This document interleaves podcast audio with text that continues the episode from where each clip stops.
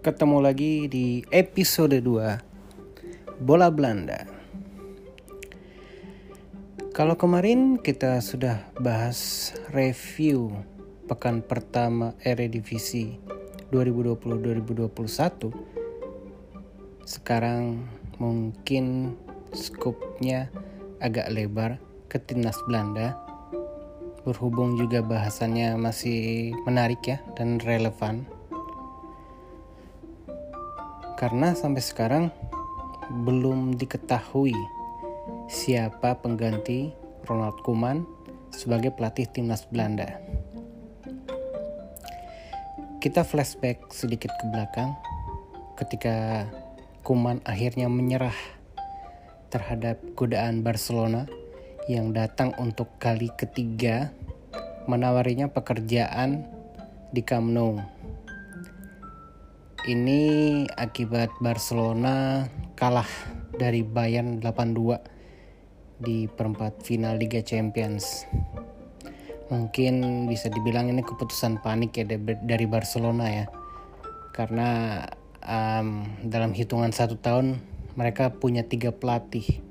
Ada Ernesto Valverde yang kemudian dipecat bulan Januari gara-gara kalah dari Atletico Madrid di Supercopa Espanya. Kemudian uh, Setien yang akhirnya juga kehilangan jabatan gara-gara kalah memalukan dari Bayern. Nah, sebenarnya pendekatan ah, Barcelona ke Kuman ini sudah lama terjadi karena sudah tiga kali kata KNVB uh, datang tawaran dari Barcelona termasuk yang uh, terbaru ya itu yang ketiga. Jadi dua sebelumnya terjadi waktu tahun lalu kemudian uh, sewaktu Valverde dipecat. Tapi Kuman uh, selalu menolak karena ingin mendampingi timnas Belanda di Euro 2020 ya kita juga tahu ceritanya gimana. Ternyata Euro pun diundur sampai tahun depan. Dan singkat cerita Kuman kemudian menyanggupi tawaran Barcelona. Sekarang tinggal Belanda yang harus kelimpungan mencari siapa sih yang pantas gantiin Kuman. Nah, ada beberapa kandidat yang muncul belakangan ini ya. Kalau di Nations League uh, minggu lalu, waktu Belanda lawan Polandia dan Italia, mereka ditangani uh, mantan asisten Kuman yaitu Dwight Lodewex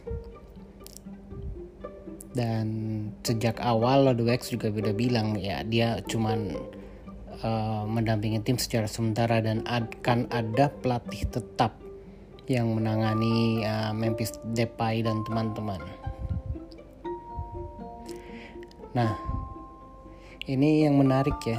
Mungkin kultur di Belanda juga uh, bahwa pemain sampai berembuk berunding untuk uh, merumuskan kriteria pelatih yang tepat untuk uh, menangani mereka di timnas. Ya, kejadian yang paling saya ingat nih waktu 90 ini juga terjadi. Jadi waktu itu pemain-pemain uh, Belanda dimotori trio Belanda yang di AC Milan, trio AC Milan ya berarti ya itu berkumpul di bandara Sipol untuk uh, menentukan pelatih mereka di Piala Dunia 90. Di kualifikasi uh, pelatihnya ini kalau nggak salah ya tanpa Google ini soalnya nih uh, bikin podcastnya. Pelatih waktu di kualifikasi adalah uh, Taisley Breaks. Nah, para pemain berembuk berkumpul mereka menginginkan Johan Cruyff somehow ini tidak didengarkan VB dan uh, penasihat KNVB waktu itu Rinus Michels uh, malah menyarankan untuk Leo Ben Hacker. Ya akhirnya memang Ben Hacker yang ditunjuk. Uh, dan sebenarnya Ben Hacker juga bukan bukan apa ya, bukan pelatih sembarangan ya. Uh, waktu itu juga pernah menangani sudah pernah menangani Ajax, kemudian uh, Feyenoord, kemudian juga Real Madrid dan ya intinya sudah punya catatan atau resume yang meyakinkan. Tapi karena para pemain sudah punya keinginan lain jadinya kita semua tahu di Piala Dunia 90 Belanda nggak pernah menang sama sekali empat kali main uh, tiga kali imbang di fase grup. Kemudian di perdelapan final tuh kalah dari Jerman Barat 2-1 oke kita balik lagi nih 2020 jadi pemain uh, akhirnya berunding dan kabarnya mengeluarkan atau merekomendasikan satu nama itu Heng Ten KT KT ini mantan asisten Ricard di Barcelona ya. Dan juga pernah di Ajax pernah di Chelsea kemudian juga uh, sebagai asisten ya waktu itu lebih tepatnya ya. Dan kemudian pindah ke Yunani dan terakhir di um, Timur Tengah. Antara Uni Emirat Arab atau Qatar ya saya agak lupa. Tapi antara uh, pokoknya di kawasan Timur Tengah lah. Setelah itu TNKT um, sepertinya sih masih ya sekarang ya antara masih atau tidak. Ini lagi-lagi saya tanpa Google nih bikin podcastnya. Oke okay. dan TNKT ini kenapa di um, kenapa direkomendasikan oleh para pemain? Ini ada analisis di football internasional yang saya baca. Ini adalah pilihan yang paling mengakomodir um, apa ya secara taktik TNKT punya kemampuan taktik yang diuji lah. Boleh boleh boleh um, teruji ya. Sudah teruji. Karena praktis taktik Ricard di Barcelona itu semuanya dari TNKT. Kemudian TNKT juga sosok yang bisa menyatukan pemain-pemain berdarah Suriname atau Afrika di timnas Belanda. Karena latar belakang um, latar belakang warna kulitnya ya. Tapi memang ada keraguan karena belakangan juga KNVB nggak terlalu yakin dengan sosok TNKT soalnya kiprahnya waktu di Ajax juga nggak nggak begitu bagus ya sebagai pelatih uh, langsung pergi meninggalkan Ajax untuk menjadi asisten pelatih di Chelsea dan ya KNVB masih mencari siapa sosok yang paling tepat untuk dijadikan pelatih timnas. Muncul satu nama lagi yaitu Luis Van Hal, nama lama. Oh, pernah udah pernah dua kali ya Van Hal memegang timnas Belanda tahun 2000 sampai 2002, kemudian yang kemarin terakhir uh, tahun 2012 sampai 14. Dan ini pilihan yang mungkin bagi sebagian besar uh, publik Belanda menganggapnya pilihan yang malas karena ya Van Hal ya sudah sudah. Semua orang sudah tahu reputasinya seperti apa dan uh, sepertinya kalau kembali lagi ke pilihan yang lama ini kayak KNPB main paling aman gitu. Tapi yang dikhawatirkan adalah Van Hal bisa menimbulkan gejolak karena dia pelatih yang ya punya pendirian keras. Dan yang pasti dia mau memasukkan orang-orangnya yang dikenalnya.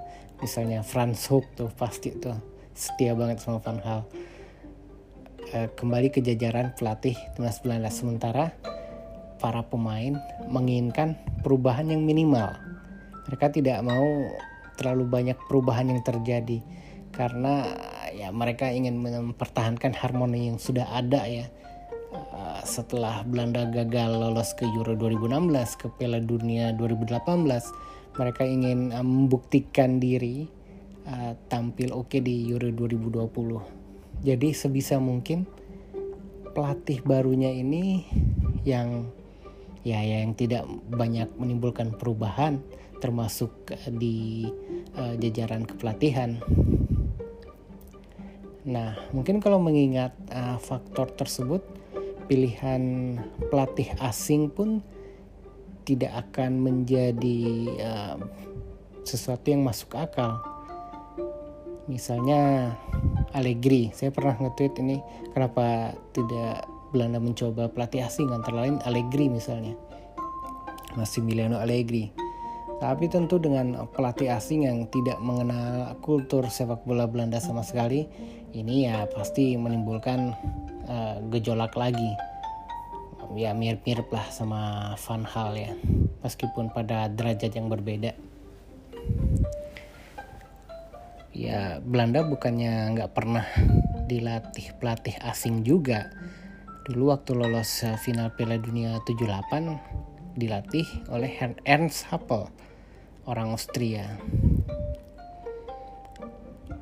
dan setelah itu memang tidak pernah sama sekali ya uh, pelatih dari luar Belanda dipercaya untuk uh, menangani orangnya. Nah, pilihannya makin sedikit karena kalau dilihat pelatih-pelatih Belanda yang terbilang sukses ya seperti Peter Bos lah ya, walaupun belum pernah juara dalam karirnya. Ini masih apa ya, masih berjuang membuktikan diri di Leverkusen dan juga masih kalau boleh dibilang struggling untuk uh, tampil di level sepak bola top Eropa. Satu nama lain Erik ten Hag. Erik ten Hag masih nyaman di Ajax dan seperti masih berjuang untuk uh, ya setelah lolos semifinal Liga Champions 2018-19 mungkin ingin mengulangi hal serupa atau justru melampauinya tapi rasanya masa depan Ten Hag tuh masih bersama Ajax dan ya kalau apa ya kalau dilihat juga mungkin Ten Hag juga butuh pengalaman untuk melatih klub di luar Belanda terlebih dahulu sebelum uh, menduduki jabatan sebagai pelatih timnas Belanda.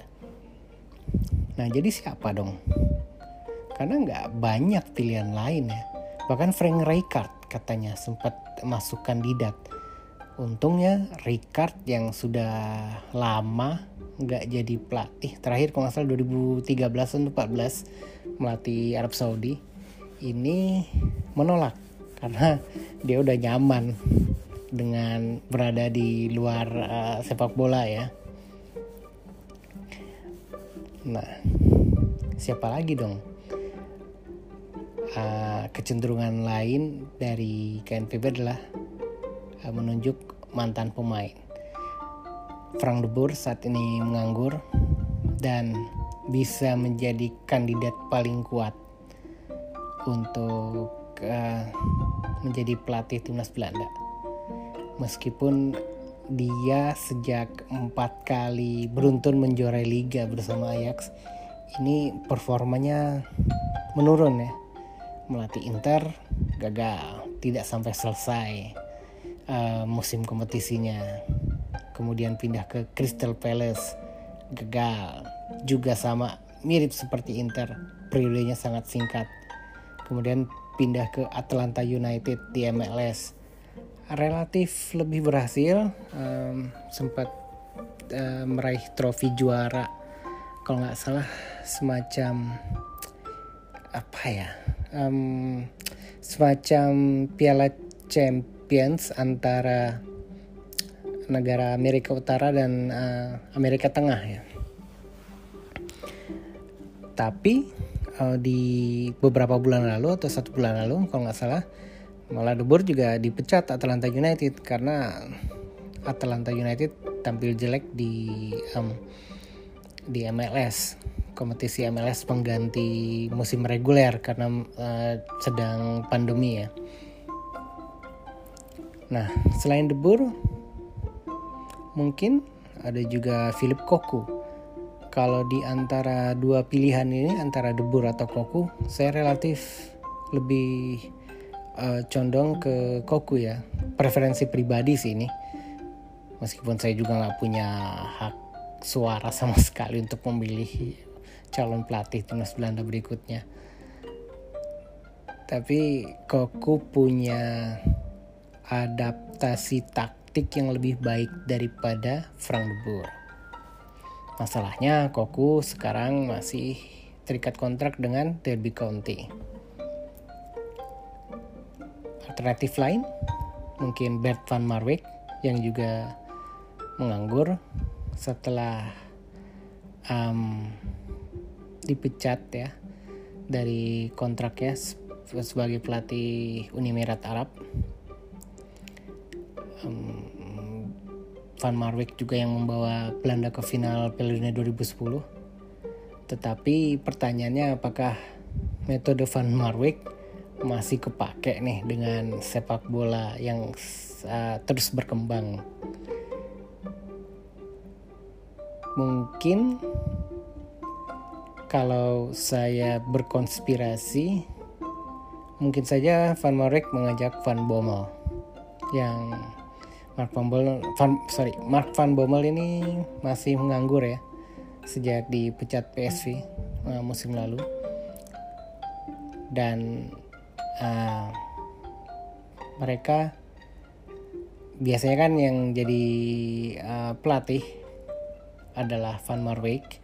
Uh, sementara Van Bommel jadi asisten ini terjadi di Uni Emirat Arab ya. Tugasnya tugas terakhirnya ya. Nah bisa jadi role ini dibalik Mark Van Bommel, Mark Van Bommel menjadi pelatih.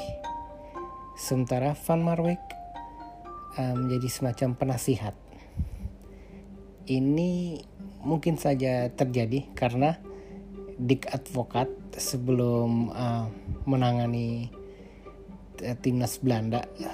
Dick Advokat ini yang terakhir memegang orangnya sebelum Kuman ya. Jadi dia sebelum uh, memegang timnas Belanda waktu itu dia posisinya sebagai penasihat Danny Blin yang toh dipecat atau mundur waktu ya sekitar 2016 atau 2017 ya. Nah, jadi itu kalau mau berkonspirasi. Masalahnya memang Van Bommel ini walaupun musim pertama yang bersama PSV cukup menjanjikan tapi di musim keduanya malah ancur-ancuran. Ya, apakah pemain Belanda mau percaya ya dengan reputasi seperti itu? Meskipun mungkin sebagai mantan kapten timnas ini uh, Van Bommel pasti punya kepribadian yang membuatnya bisa uh, harusnya ya bisa menuai respect dari para pemain timnas Belanda. Jadi kita tunggu aja nih perkembangannya pengumuman dari KNVB. Mungkin mereka masih bingung, tapi masih ada ya lumayan cukup waktu lah sampai international break berikutnya di bulan Oktober nanti. Terima kasih sudah mendengarkan. Sampai jumpa lagi di episode berikutnya.